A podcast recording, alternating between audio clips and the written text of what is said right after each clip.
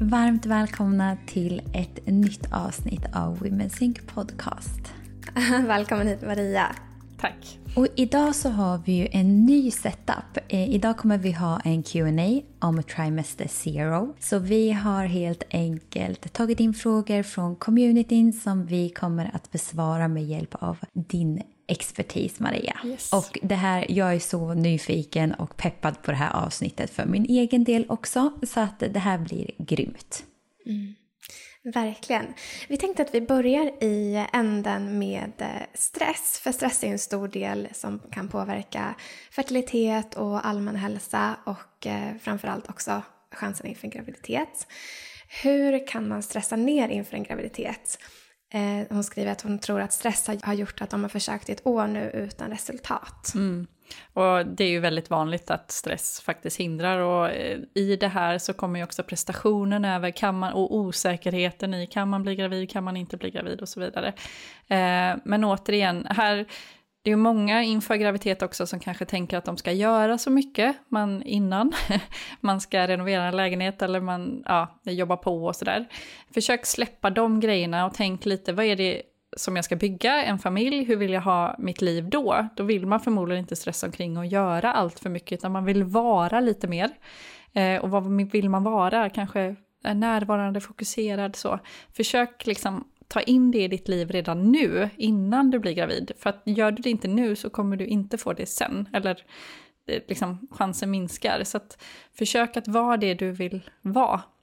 Eh, såklart att man vill liksom ha en familj och ett barn och bli mamma och sådär. Men liksom, vad innebär det? Och så försök vara det och ta in det i vardagen. Eh, hitta dina återhämtningskanaler. Eh, så. Vad, vad är återhämtning för dig? Mm, jag tror det är så viktigt just med återhämtning. Att det är klart att i början kanske man, om man inte är van att prioritera återhämtning och att man fortfarande har tusen tankar när man gör någonting, så tror jag precis som med allt annat att det handlar om att öva, öva och öva. Att vägleda sig till att göra de här aktiviteterna och till slut så kommer det bli lättare. Och då kan man ju till exempel ja, men, gå ut och gå en promenad men att lämna mobilen hemma exempelvis och första gången kanske man har tusen tankar men tionde gången så kanske man faktiskt kan se naturen eller man känner ett större lugn. Precis, och de här bara korta stunderna, man kanske inte behöver göra det så mycket. Om du var ute och gick i en halvtimme och kom på dig själv att du var närvarande liksom, korta stunder du såg den där stenen och den där grejen eller liksom så. Men liksom, var glad över det då, du behöver liksom inte vara det hela tiden för vi människor har ju tankar som svävar iväg och förmågan att vara närvarande är att hämta hem oss, inte att vi kanske nödvändigtvis ska vara där hela tiden. Eh, utan att eh, ja, försöka njuta. Ibland så kan jag tycka att det är bra. Min man och jag, vi kan så här, jag vill gärna gå samma runda ofta när vi är ute på promenad, för jag tycker det är fantastiskt att se så här, men titt, se liksom, för vi går en runda i skogen bara, men det förändras ju varje dag och särskilt över årstider och så. Men han bara, nej, jag vill gå en ny, kan vi inte upptäcka något nytt liksom? Och, men det är så som han är närvarande och jag tycker att det är fantastiskt att vara närvarande och se att eh, saker ändrar färg, det ändrar liksom, naturen växer. Ja. Så man får hitta sina liksom, grejer till att eh, alla kanske inte ens vill vara i naturen. Men jag tänkte också på det här, för det är några av mina klienter också som, många svarar ju att de återhämtar sig genom att titta på serier eh, på Netflix eller någonting på kvällarna. Och inget fel med det. Kanske inte alltid den bästa återhämtningen, men är det den man får så absolut. Men ligg inte och scrolla på telefonen samtidigt då. För ligg inte och gör två saker samtidigt och scrolla på telefonen på antingen sociala medier eller vad grejer du ska köpa eller kolla upp eller så, utan gör en sak. Och det är en tjej som skriver här att hur hämtar man sig efter ett negativt graviditetstest två månader Ja, alltså det är ju inte ovanligt att man behöver försöka två, liksom fler månader än två månader för att bli gravid. Men här kan jag tänka också återigen, vad, vart står hon? Liksom, det här är som sagt ingen prestation eller kontroll och det är inte det jag menar att den här tjejen har, men lite vad, vad är poängen med det här? Vad är det du vill ha? Eh, återigen ett barn, du vill bli gravid. Liksom. Det handlar inte om att man ska kontrollera tid eller att det är, liksom, ja, som sagt, det är en prestation att bli gravid, utan låt det komma när det kommer. Och det låter kanske som världens sämsta och svåraste råd, men ju mer man försöker kontrollera det här, ju mindre kommer det bli. För det här är ingenting som vi kan kontrollera liksom, exakt när det blir, är vad jag menar då. Utan två månader är ingenting, utan bara liksom, försök slappna av och landa i kroppen och ha tillit och låt det liksom, det kommer. Mm.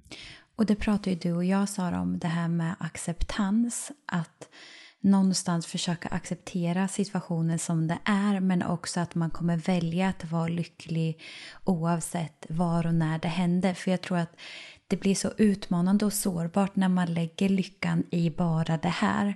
Men också påminna sig om allting som är. Men sen, alltså jag kan verkligen förstå den rädslan. För jag tror att det, vad det här egentligen kanske väcker om man har två negativa graviditetstest, det är ju en rädsla för att tänk om jag aldrig kan bli gravid.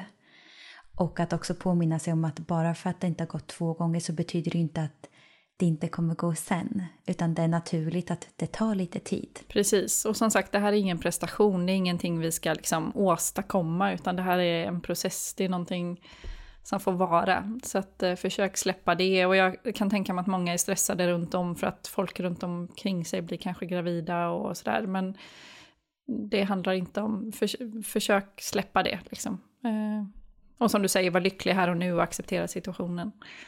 Och som vi var inne på i förra avsnittet att det är också normalt att det tar mer än två månader och det är ju en superviktig påminnelse i det här att som sagt det är inte en prestation och just det normala är inte att det ska gå på första försöket utan det är lika normalt att det tar längre tid. Mm. Mm, det tror jag är så viktigt. Man kan förstå att man känner mm. så. Men att påminna sig själv om att det tar tid och det är naturligt och försöka njuta kanske av tiden innan. Men sen förstår jag att de som lyssnar, som, när man har försökt flera månader, att ja, det är superutmanande att släppa taget eller mm. att inte tänka på det. Alltså, det, jag tror att det är oundvikligt, men att försöka vägleda sig i alla fall. Och det är många kvinnor som tar väldigt mycket ansvar i detta när det månad ut och månad in inte går. Jag har inte mött lika många liksom, par där mannen är lika frustrerad om ni förstår, utan kvinnan känner att det är liksom mm. hela hennes ansvar, hennes fel, hennes och så vidare. Vi har ju pratat mycket om att det är klart att liksom, båda parter behövs ju för att det ska bli en bebis, men kvinnan behöver verkligen slappna av och eh, mannen kan väl hjälpa till lite där. Alltså hur slappnar ni av och njuter av livet och liksom pratar om det ni vill ha och inte liksom de här rädslorna som kanske stryper energin snarare än, eh, än låter det liksom vara. Mm. Det är så viktigt att man är faktiskt två i det och att som sagt bådas eh, sidor påverkar. Att ena månaden kanske det är att spermakvaliteten inte är på topp och den andra månaden något annat. Att det, det är eh, inte ens eget ansvar och det är en process. Precis, och allt från infektioner till tillfälliga deadlines på jobbet, allting kan ju påverka. Så att, ta det inte så allvarligt där utan i början då, speciellt inte efter två månader, då finns det ju mycket, utan eh, liksom landa i att det, det är nästan bättre att sätta upp ett lite längre tidsspann på det. Um, en annan fråga vi har fått är hur man förbättrar äggkvaliteten och framför allt efter 40. Mm. Och efter 40, alltså det, det beror lite på liksom hur långt efter 40. Eh, för det är klart att äggkvaliteten kommer att gå ner. Vi pratade i förra avsnittet om att man kan påverka sin äggkvalitet till väldigt stor del med kost och livsstil. Då är det liksom relation, stress, återhämtning men också mat, vad äter man, liksom, får man i sig alla näringsämnen och så vidare som behövs då för att eh, ägget ska kunna växa. Men efter 40, alltså är man upp mot 45 så är det, det är ju samma saker som gäller här, men då kanske man behöver ta till lite olika tillskott också för att stötta i kvalitet ännu mer. Och då finns det ju bland annat ja, men QTI och NAC som jag pratat om tidigare. Det finns ju, men där behöver man ju också lite fundera på vart är det man står. Eh, vad har man för bakgrund och Eh, har man någon utmattning i bakgrunden? Går man mer åt PCO eller PCOS? Eller har man haft eh, liksom, att man har ätit kanske för lite och tränat för mycket? Alltså, eller är det bara, har man haft mycket PMS? Finns det någon migrän med? Någon IBS? Ni vet liksom att eh, jag skulle liksom verkligen jobba på det för att liksom att det ska gå så fort som möjligt om ni förstår. Så att det inte blir, för där har man ju tyvärr då inte så mycket tid. Eh, utan som man har när man är kanske 30 då. Då har man ju lite mer spelrum. Då spelar det ingen roll om man jobbar på det här i två, tre år. Även om det kanske känns jättelänge för någon som lyssnar. Så när man är 40 så behöver man ju liksom få lite fart. Så att städa upp i kosten, kolla, reagerar magen på någonting jag äter eller har jag huvudvärk, eksem, eh, går jag liksom, har jag något på sköldkörteln, eh, liksom alla sådana delar, att verkligen titta över det. Jag tänkte att vi har fått en hel del frågor om mat så nu kommer vi att djupdyka lite kring mat. Och vad skulle du säga är viktigast? Är det mat eller är det mindre stress? Är det att hoppa gluten? Socker? Koffein? Alltså helheten är det första man ska börja med och sen kan man börja titta på detaljer. Och med detaljer då menar jag liksom eh, socker och gluten och koffein och sådana saker. Om vi tittar på helheten först. Är det så att vi fyller våra tallrikar med bra näringsrik mat och då liksom pratar jag om kvalitativa kolhydrater som ris, potatis och sådant. Eh, quinoa, eh, sen pratar vi också grönsaker, vi pratar bär, frukt. Och sen så har vi protein som är otroligt viktigt för att det är där eh, så mycket näringsämnen finns. Alltså, vi behöver äta ordentligt med kött, eh, fisk, fågel, ägg. Eh, ägg är bland det mest näringsrika vi kan äta ihop med lever. Så får man in de två livsmedlen så har man liksom gjort sig en väldigt stor tjänst. Får jag fråga en fråga nu? Mm. det är inte communityfråga. Lever, jag vet ju att det är bland det mest näringsrika. Har du något tips på hur ska man tillaga lever och hur kan man äta det för de som är alltså, känsliga? Jag brukar själv göra en jättegod antingen levergryta eller pastej. Det kan man eh, ja, välja själv, men receptet har jag tagit från Via Ventri, som är viaventri.com eller .se. Söker man på Via Ventri och leverpastej så kommer det nog upp. Eh, då är det bland annat eh, bacon och kycklinglever och lite sånt i. Och det funkar även för de som skulle vara kanske eh, laktosintoleranta eller så, för de använder kokosmjölk i istället. Och det kan man liksom antingen äta som en gryta som sagt eller som en leverpastej. Men är det så att man har lite svårt för lever, min man hade lite svårt för lever när vi eh, träffades att, och jag ville liksom smyga in detta. Så då körde jag så här 10% lever i köttfärs och så gjorde jag köttbullar utav det och sen så ökade jag lite successivt så då får man i sig det liksom lite hela tiden i mindre portioner. Sen finns det ju även de som tillagar det, fryser ner det i små bitar och tar det som en liksom, tablett så. Men, eh, ja, men det, jag tycker att alltså det är väldigt få som känner leversmaken om man har 10, kanske upp mot 20 procent i om du kör det i mixen och så blandar du köttfärs och så gör du köttbullar eller pannbiffar eller någonting så känner du inte smaken så tydligt. Jag vet inte ens vart jag hittar lever i affären. Samma här. Det blir svårt på Island också, vad heter ens lever? Men ja. Ja, och så nötlever är väl liksom, ja, eh, kycklinglever är ju lite mildare i smaken om det är så att man vill börja någonstans. Och sen kan man liksom testa sig lite fram. Men det tycker jag är ett, det brukar jag tipsa mina klienter att om de inte tycker om liksom leverpastej och sådana saker så smyg ner det då liksom när du äter en eh, köttbullar eller pannbiff eller någonting. Finns det någon mat man behöver undvika har vi fått frågan om. Och eh, var det inför graviditet eller under graviditet? Ja, inför graviditet. Precis. Ja.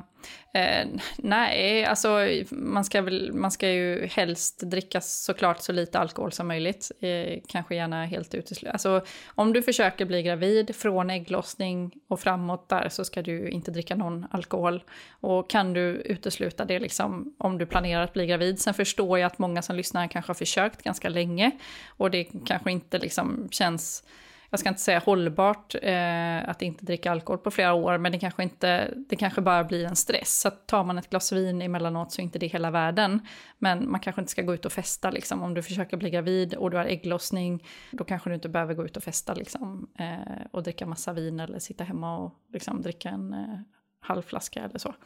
Men annars så nej, inför graviditet så Eh, du, du ska ju äta bra mat för att ha bra äggkvalitet. Och eh, det här med liksom för mycket socker och liksom snabba kolhydrater. Kolhydrater är ju inte farligt. Vi behöver kolhydrater för att få en liten insulinhöjning och liksom kunna ofta ha ägglossning, Det är min erfarenhet bland kvinnor. De som ligger för lågt på kolhydrater, liksom, där, där kan det ibland vara lite svårt att få igenom en ägglossning.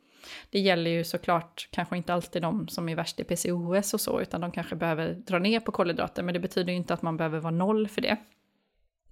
Eh, men du behöver ju tillräckligt med protein och fett och så, så att du inte fyller tallriken med bara mjölmat som inte ger några näringsämnen och bara höjer blodsockret liksom. Eller fejkmat överlag. Jag får ju ofta liksom så här frågor, vad rekommenderar du för proteinpulver, vad rekommenderar du för liksom, och allt det Alltså absolut kan du väl kanske komplettera med proteinpulver emellanåt, men du, mat, alltså näringen ska ju i första hand komma från riktig mat, för det är ju då du får alla delar utav det, alltså då får du vitaminer, mineraler och sådant. Så att, ehm, ät inte för mycket fake-mat, utan försök äta liksom riktig mat där du går till affären och ser vad du köper. Då pratar vi liksom frön och nötter och kött, fisk, ägg, fågel. eh, ja, men som sagt, eh, olika typer av eh, grönsaker, rotfrukter, uh, fullfeta mejerier till exempel. Skippa kvargen och det och ät grekisk yoghurt istället och så. Om du tål mejerier. Ost och sådant. Mm, jättebra tips och där har vi ju jättemånga förslag och inspiration Precis. på recept på mm. bloggen som ni kan eh, ta del av. Men hur ska man tänka kring koffein?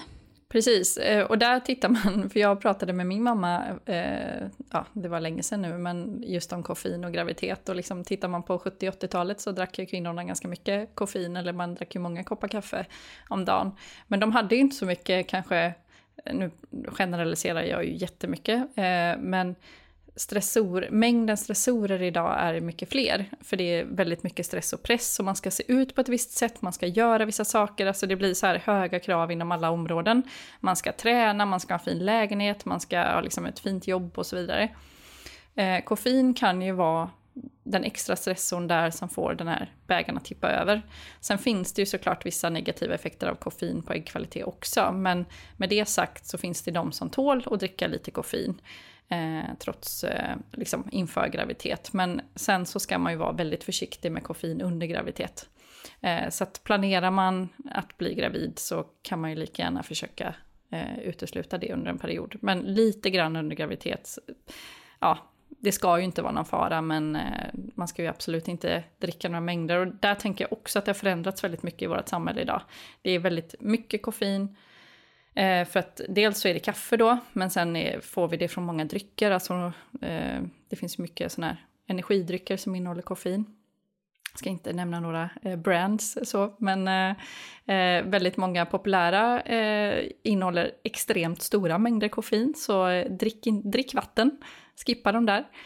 Och sen alltså storleken på kaffemuggar, om man sitter kanske och hinkar kaffe framför datorn när man jobbar och ni vet sådana saker. Det är liksom en helt annan miljö idag jämfört med vad det var förr när man satt liksom tillsammans och tog en fika och drack en kopp kaffe. Så att, eh, ja, det är många faktorer här som påverkar. Men just kaffe kan ju ha en positiv effekt på hälsan. Men just vid graviditet så har det ju inte det. Och det finns det betyder inte att det aldrig har det, utan det finns vissa stressorer som man helt enkelt ska undvika när man är gravid och inför graviditet, som till exempel ja, men bastu och sådär. Eh, kallbad gjorde jag själv under båda mina graviditeter. Ehm, men eh, liksom just bastu och upphetta barnen ska man ju undvika då att det blir för varmt i magen. Mm. Vi har pratat nu om alltså, kost och att riktig mat är det viktigaste. Men vi har fått väldigt många frågor om kosttillskott. Så mm. jag tänker att vi går in på dem men att vi har i bakhuvudet att A och O är ändå riktig mat. Precis. Um, då är det en som frågar, vilka vitaminer och mineraler kan vara bra att stötta kroppen med inför en kommande graviditet? Ja, och det är ju eh, ja, väldigt svårt att säga beroende på vad den här personens situation då. Eh, men eh, D-vitamin på vintern såklart, det är liksom en sån här självskriven grej. Sen tycker jag att man ska ta prover innan man tar för mycket näringsämnen. För det är väldigt poppis med vissa saker, men man får också tänka på att de liksom jobbar tillsammans med andra och tar man zink en sån grej som väldigt många tar, eh, det Eh, liksom eh, konkurrerar ut eh, koppar över tid som i sin tur minskar järnupptaget och så har man liksom en radda som eh, liksom går igång där. Så man ska vara lite försiktig med att liksom, ta enstaka så. Är det så att man vill liksom vara på den säkra sidan att man får i sig allt, men ta hellre en typ så här Thorns prenatal eller någonting. Men du behöver kanske inte ta den i de höga doserna som rekommenderas utan ta någon tablett då och då för att liksom fylla på. Men annars generellt kan jag inte säga riktigt vilka det är utan jag tycker där får man är det så att du är, liksom, håller en viss kosthållning, ja men titta på då eh, vad du skulle behöva där kanske. Är du vegetarian så kanske du behöver järn och annat. Eh, liksom, titta, titta verkligen på din situation. Eh, undviker man mejerier, behöver du kalciumtillskott eller äter du tillräckligt med eh, frön och nötter och eh, gröna bladgrönsaker och så. Men jag tänkte på det till exempel, mm. men som magnesium, det är någonting man har sett att många har brist på som heller inte har så mycket biverkning om man skulle ta det. Så magnesium, är det någonting du rekommenderar? Ja, magnesium hjälper ju också D-vitaminupptaget, men sen kan man ju komma ihåg också lite att magnesium och kalcium, tar man höga doser magnesium över tid så får man se till att man får i sig kalcium så att inte det konkurrerar ut det. Så att eh, ja, sen nej, det verkar inte finnas några biverkningar snarare än att man blir lös i magen så. Men eh, se verkligen till att kalciumnivån är på plats då om man ska ta höga doser i alla fall eh, magnesium. Sen är det många som, liksom, som tar magnesium som kanske tar för låga doser också. Men eh, eh där kan man ju också titta på provtagning såklart. Och Eh, är det så att du äter vitamin D men det är ändå inte liksom, du har fortfarande låga eh, vitamin D-nivåer i blodet, då finns det ju bland annat magnesium som kan påverka det. Andra saker är inflammation och övervikt och eh, sådant, men ja, så där kan man ju tweaka lite också såklart. Mm. Och gäller samma kosttillskott för kvinnor som män. Och egentligen det du har sagt nu är att det är väldigt individuellt och det bästa av allt är ju att kanske ta tester om det är så att man har väldigt mycket symptom för att veta exakt vilken dos och vad man har brister på. Precis, och där liksom, ja som sagt, är du osäker, ta någon sån här multivitamin då. Men det som man också får vara försiktig med där då såklart, det är ju liksom så att man inte får ett överskott av järn eller någonting sådant. Eh, och då tänker jag framförallt på män då. Eh, kvinnor brukar ju ligga snarare i underkant på järn, men eh, att man, man får följa upp så att man inte bara tar i blindo. Och det här kring när man till exempel blir gravid då är det viktigt mm. att äta folsyra. Är det någonting som är viktigt att ta innan en graviditet också? Ja, gärna när du börjar planera inför graviditet så kan du absolut ta folat eh, som är den formen av eh, vitamin B9 då som är en bra variant. Så och där finns ju bland annat eh, Thorn och jag tror även Närokällan har en bra variant som är folat. Eh, Närokällan hette väl förut Bättre hälsa tror jag. Um, så det, men Thorn är ju ett riktigt bra eh, märke generellt kan man väl säga. För det finns ju mycket märken. Mm. Och för nu pratar ni om folsyra, folat och alltså är det folat själva kosttillskottet heter i så fall? Ja, folsyra är en syntetisk variant utav B9 så ta gärna folat som är den naturliga varianten. Mm. I dagens avsnitt vill vi tacka vår magiska sponsor Unika Superfoods. Ja, vi är så glada för det här samarbetet och för er som aldrig har talat om Inika så är det ett nytt svenskt holistiskt brand som precis som Women's Inc är grundat av kvinnor. Mm. Och anledningen till att vi älskar Unika är ju för att deras produkter är gjorda på naturliga ingredienser och att de är helt fria från tillsatser. Mm, det här är så viktigt för oss. Och vi satt ju precis och tog en kopp chica roast och en bar och då kom ju vi in på det här att vi har ju under ja, men ganska många år pratat om att vi längtat efter en bar som innehåller bra saker. Mm, verkligen. För ibland är det ju så att man bara vill ha någonting snabbt och enkelt. Och det har ju verkligen inte varit lätt att hitta ett bra alternativ som har bra innehåll. Nej, alltså det har typ inte funnits innan. Nej. Och Inika har tre smaker på sina bars. Så om du älskar kokos och choklad så kommer du älska deras Coconut Chocolate Bar som bland annat innehåller kokos, kakao, MCT-olja och cikoria. Mm, alltså den är underbar. Mm. Och deras Almond Chocolate Bar är också helt otrolig om det är så att du älskar choklad. Och när det kommer till smaker, jag går alltid till choklad. Jag skulle säga att den här är perfekt för mig när jag kan få ett sötsug i fas 3. Mm, oslagbar. och den tredje smaken är Blueberry Cashew. Och jag brukar egentligen inte vara så jättemycket för bär och frukt i bars. Den här är verkligen supergod. Och det är underbart att få i sig lite extra antioxidanter i kombination med cashewnötter. Och jag skulle säga att den här smaken är ju den typiska fas 2-baren när man inte är lika sugen på sött eller något chokladigt som man kanske är i början av fas 1 eller i fas 3. Mm, verkligen sant. Och utöver bars så har de också flera andra produkter. Så kolla in deras sortiment på deras Instagram eller hemsida och uppge koden WomenSync20 med stora bokstäver så får du 20% på ett helt köp. Tack Inika Superfoods för ett underbart samarbete. Tack.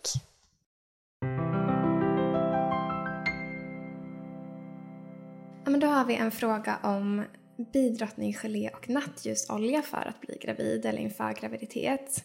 Det här är också sådana begrepp man har hört lite kring graviditet men är det någonting som kan vara gynnsamt även innan? Ja, alltså jag har inte hittat jättemycket som skulle stötta bidrottninggelé och nattljusolja inför graviditet. Eh, bidrottninggelé har ju liksom, det finns ju vissa studier som tyder på att det kan eh, liksom, hjälpa vid PMS. Nattljusolja eh, är ju en sån här gammal huskur mot om man går över tiden, att man skulle liksom, antingen smörja in cervix med det som är livmoderetappen, eh, eller ta det då för att liksom, få igång förlossningen. Helt ärligt vet jag inte riktigt om, eh, om det funkar eller om det finns någonting som stöder att det absolut funkar. Men inför att bli gravid, nej, alltså det finns andra saker tycker jag som man kan, man kan göra istället.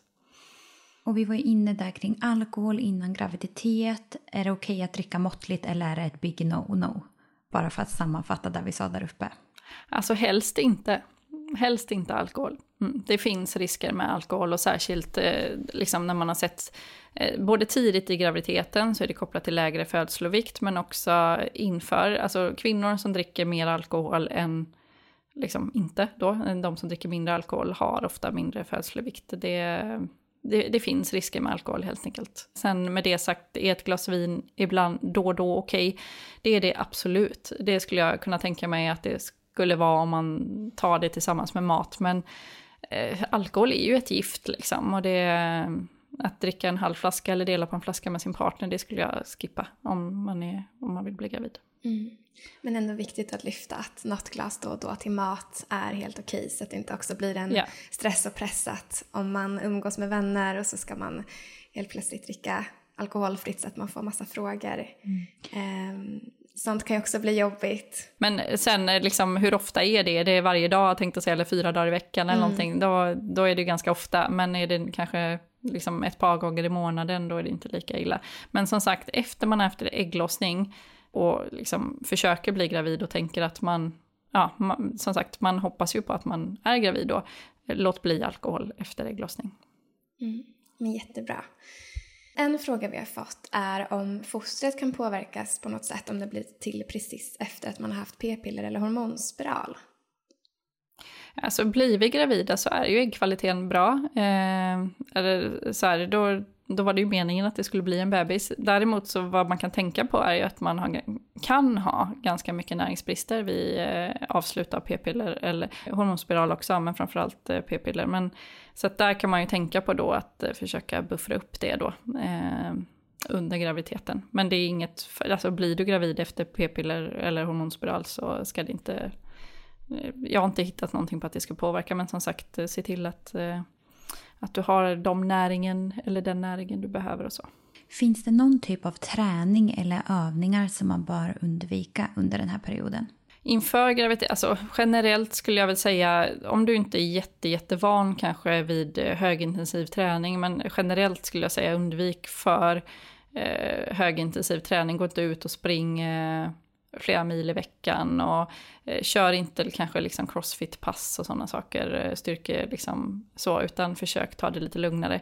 Man får tänka på här, här ska man ju faktiskt bygga en bebis, man ska inte bygga eh, sig själv, utan eh, eh, ja, här ska du inte vara eh, stark eh, och snabb och så, utan du ska, du ska bara underhållsträna och må bra.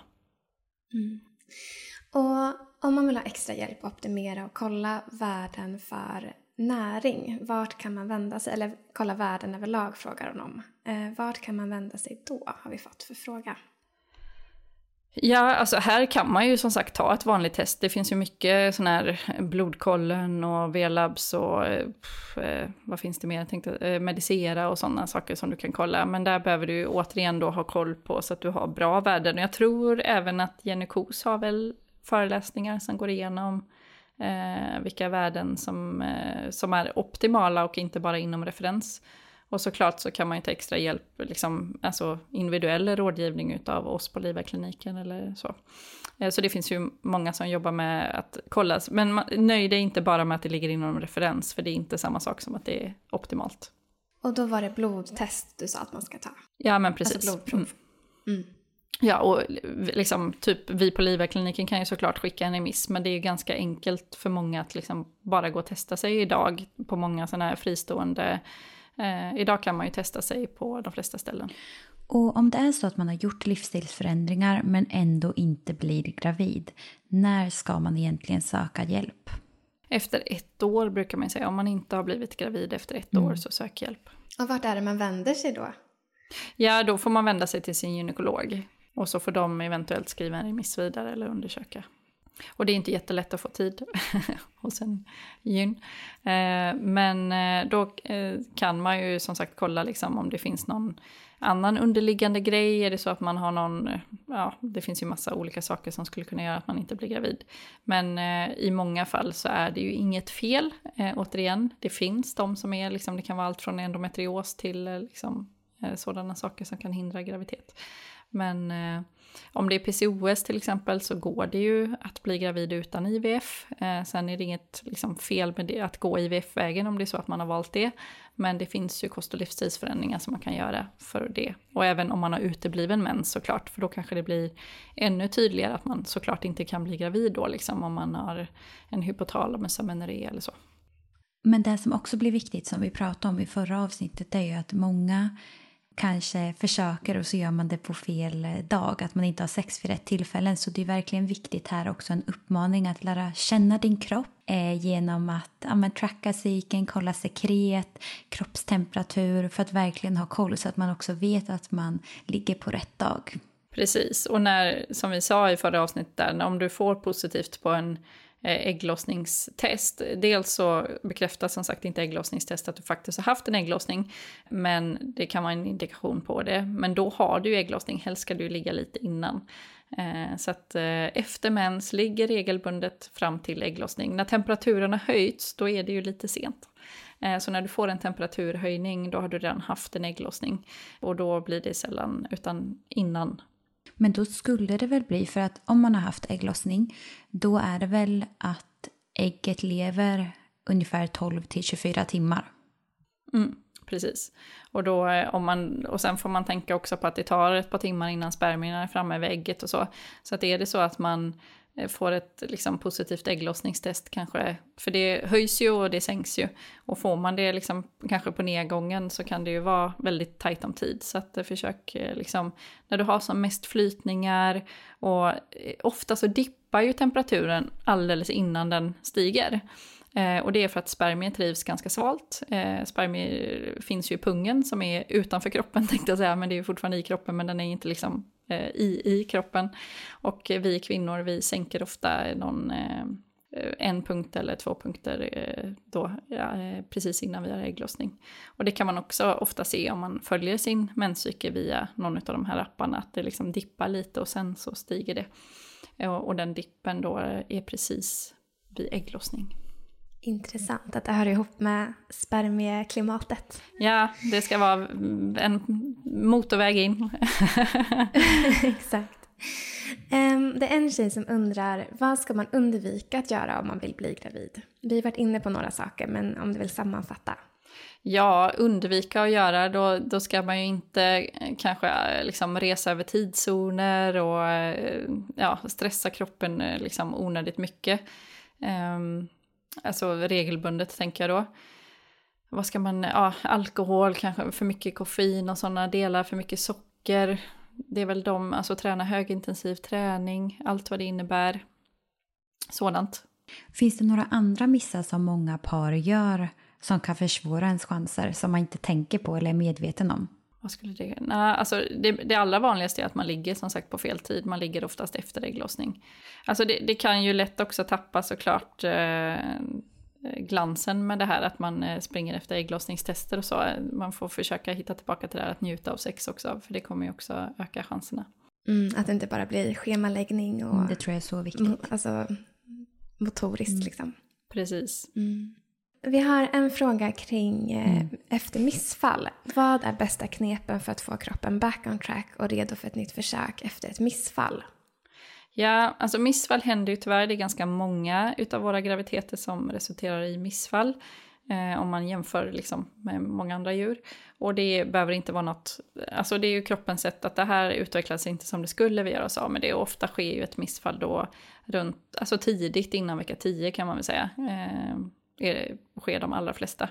Och ja, sker det senare än så så är det oftast någonting annat eh, eh, som har skett, eller så är det någonting som heter missed abortion, att kroppen inte har fattat att till exempel hjärtat inte har börjat slå eller vad det nu kan vara. Att det här fostret eller så har dött då utan att eh, kroppen har förstått det.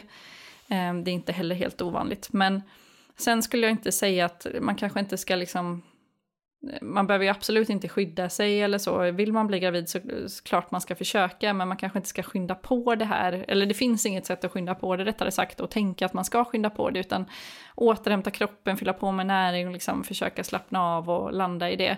Eh, är det så att man har förlorat väldigt mycket blod, ja men eh, se till att äta extra järnrika livsmedel och sådant för att eh, väga upp för det, eller om man har haft en ganska normal blödning. Men eh, se till att ge kroppen den återhämtningen som den behöver Ehm, i det. Eh, så att, eh, så att, och det, behöver, det är fruktansvärt för många att gå igenom ett missfall.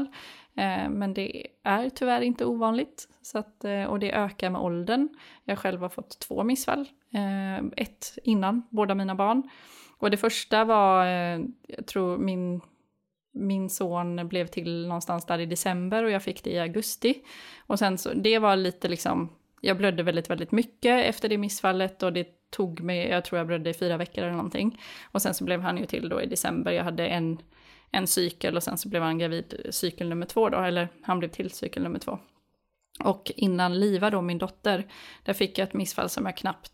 Hade jag inte följt min cykel så hade jag inte vetat att jag var gravid. Vi försökte inte bli gravida då, men på 16 eller 17 dagar efter ägglossning så jag bara, äh, nu är nu är tempen fortfarande förhöjd, jag får nog testa och så var jag gravid. Och dagen efter så fick jag en blödning som var som en mens.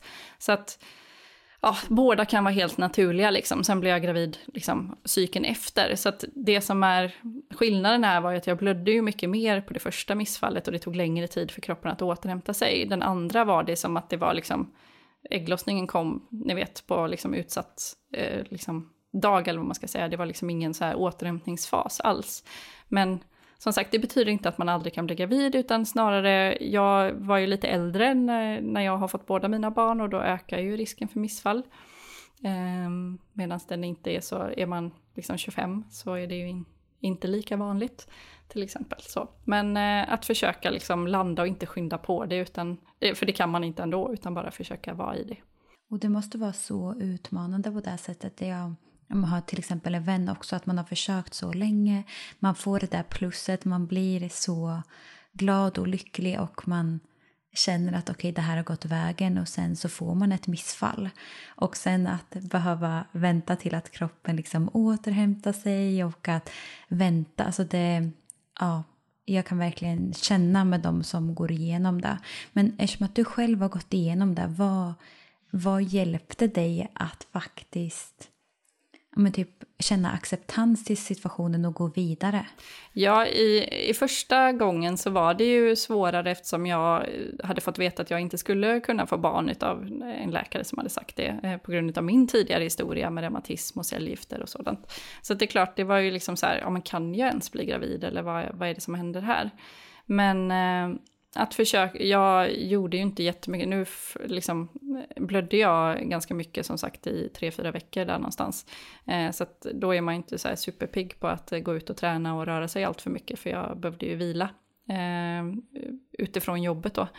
Men att försöka ja, men landa i det. Eh, sen är det många kvinnor som ställer kanske ganska höga krav på sina partners i det här, men man får också komma ihåg att det, liksom, kvinnan går igenom det här fysiskt och mentalt. Mannen går igenom det här mest mentalt eftersom det inte är hans kropp. Så att i en kvinnas kropp så är det ju en väldigt stor besvikelse rent fysiskt, liksom, för det är någonting som kroppen blir, kroppen blir besviken om ni förstår vad jag menar, förutom att man själv kanske blir ledsen för att det inte gick vägen. Eh, så ställ inte för höga krav på era partners om ni tycker att de inte förstår detta. För att eh, försök prata med liksom kanske någon annan tjejkompis eller så istället. För det, och en partner menar ju inget illa genom att liksom, ja men ta det lugnt, det kommer gå nästa gång eller så. Vilket kanske inte är det man vill höra i den situationen. Men, eh, men det, det, är nog ganska svårt att föreställa sig när man inte har liksom, haft det i sin egen kropp så tror jag. Eh, så att, eh, ja, nej men försök bara liksom landa och ta hand om dig själv. Då kommer det gå mycket fortare än om man försöker stressa. Så är det med det mesta. Försöker vi stressa någonting så tar det längre tid. Liksom. Och få forcera fram någonting så. Eh, en fråga vi har fått är kring PCOS och hur man kan tänka kring PCOS vid graviditet. Mm. Här gäller det ju att man får igång sin cykel såklart. Sen så finns det ju de, jag har ju träffat de kvinnorna som har, har PCOS som söker till mig efter, de hade inga problem att bli gravida liksom. Det, de lyckades tajma in de där gångerna per år som de eh, hade ägglossning. För vissa har haft så här, ja men jag har haft två mensblödningar per år liksom, eller tre eller någonting sånt. Eh, men här gäller det ju såklart, vid PCOS så är det ju, alltså det kan ju drivas av olika saker, men blodsocker är ju alltid med tillsammans med inflammation och eh, stress. Eh, men framförallt blodsocker, att man försöker verkligen tänka på det extra mycket. Och det har ju ni lagt ut jättemycket om blodsocker på er Instagram. Ja, en fråga som jag inte har skrivit med här men som jag fick i veckan eh, från en i communityn. Det handlade om PCO mm. och chanserna att bli gravid. Och vad, vad är egentligen skillnaden på PCO och PCOS? För det känns som att väldigt många kan blanda ihop det här och det är ju helt två olika orsaker. Och man kanske inte alls behöver samma typ av support Behandling, när man precis. gör det. Mm. Mm. Och ofta så bland, ja, precis, det här blandas ju ihop. Många får ju höra att de har PCOS men att det faktiskt inte alls är PCOS, man har PCO. PCO betyder, eh, som ingår i både PCOS och PCO, betyder att man har polycystiska ovarier. Eh, det betyder att man har många små äggblåsor som mognar men att inget blir en ägglossning. Det här är inte ett verktyg för att diagnostisera PCOS. Man kan ha PCOS utan att ha sett det här på ultraljud, men det är en metod att eh, diagnostisera det. Eller det är en, ett av de här kriterierna ska jag säga. PCO kan man också ha det, men det betyder ju egentligen att många äggblåsor mognar på halvfart fast inte kommer hela vägen fram. Så det är gemensamt vid båda. Vid PCOS så har vi ett androgenproblem. Vi är alltså förhöjda utav någonting som kallas för manliga könshormoner. Och det här kan antingen visa sig i blodprov eller så kan det visa sig i eller och eller ska jag säga, för det kan ju vara både och såklart, eh, att man har till exempel akne vid käklinjen, ökad hårväxt och så. Det är liksom PCOS, det är ett androgenproblem. Man har alltså förhöjda androgener antingen i symptom och eller i blodprov. PCO, att man liksom hackar, man kommer inte hela vägen fram i en ägglossning. Det kan ju bero på att sköldkörteln krånglar. Eh, man kanske vet med sig att man har sköldkörtelproblem och medicinerar men medicinen kanske har gjort att eh, eh, liksom, värdena ser bra ut på papper men att kroppen inte riktigt funkar. Det är ju inte ovanligt. Men man kan också ha det vid hypotalamus och anoré, att man har PCO-äggstockar. Och då ska man ju absolut inte följa liksom, råd och tips utifrån ett PCOS-perspektiv. För här är det snarare mer kolhydrater, mer mat, mer, liksom, mindre träning och så. Medan man vid PCOS brukar säga mer träning, eh, mindre kolhydrater. Eh, nu generaliserar jag, det finns ju olika där också. Men, eh, så det är de stora så. så att, Många eh, skickar ju meddelanden och många som jag liksom har som klienter säger också men gud jag trodde att det var PCOS men jag kände inte riktigt igen mig i alla symptom, jag tyckte inte det stämde. bara, Nej det är för att du har PCO liksom. Eh, Exakt. Så det är en jätteviktig heads up att PCO och PCOS är två helt olika saker. Eh, så att vara medveten om det eh, och också att PCO det är ju någonting som hindrar kroppen från att utveckla de här äggen till exempel som VHA.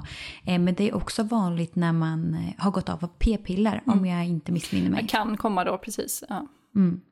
Och PCOS oftast... kan ju också komma när man har gått av på p-piller. Och särskilt sådär eh, typ jasmin och de som trycker undan androgener väldigt mycket. Men då brukar det ju inte kvar, alltså det är som värst efter sex månader men sen inom något år så är man tillbaka. Så. Vi har också fått en fråga om endometrios och hur man kan förbereda sig på bästa sätt inför en graviditet om man har det. Ja, och endometrios är ju ett, eh, ett tillstånd som är, det är ju fortfarande ganska outforskat vad det är som driver det. Det finns ju, man vet att det är inflammation, eh, som mycket annat, så där kan man ju absolut tänka på inflammation. Men att man återigen här inte gör, eh, man får se lite från person till person, vad är det som liksom driver endometriosen, men endometrios är ett ganska särskilt tillstånd som där jag inte har tillräckligt kunskap. Jag har haft många klienter med endometrios som har blivit bättre, men, eh, och vissa faktiskt helt bra, men jag tror att det är väldigt individuellt vad det är som eh, driver det också bara för att man har endometrios betyder ju inte det heller att man inte kan bli gravid utan det är många som blir gravida på första försöket när man exempelvis har endometrios eller att det går relativt snabbt. Så det behöver inte heller vara en stämpel för att det inte kommer att gå utan vi är jättemånga i communityn som mm. det faktiskt har gått Och viktigt för. att ja, tänka på vid endometrios också är att man ofta kanske har behandlat med p-piller under lång tid så att det kan också krävas några månader bara efter p-piller att låta kroppen komma tillbaka till en normal och regelbunden cykel och eh, därefter så kan det gå ganska snabbt även för de med endometrios.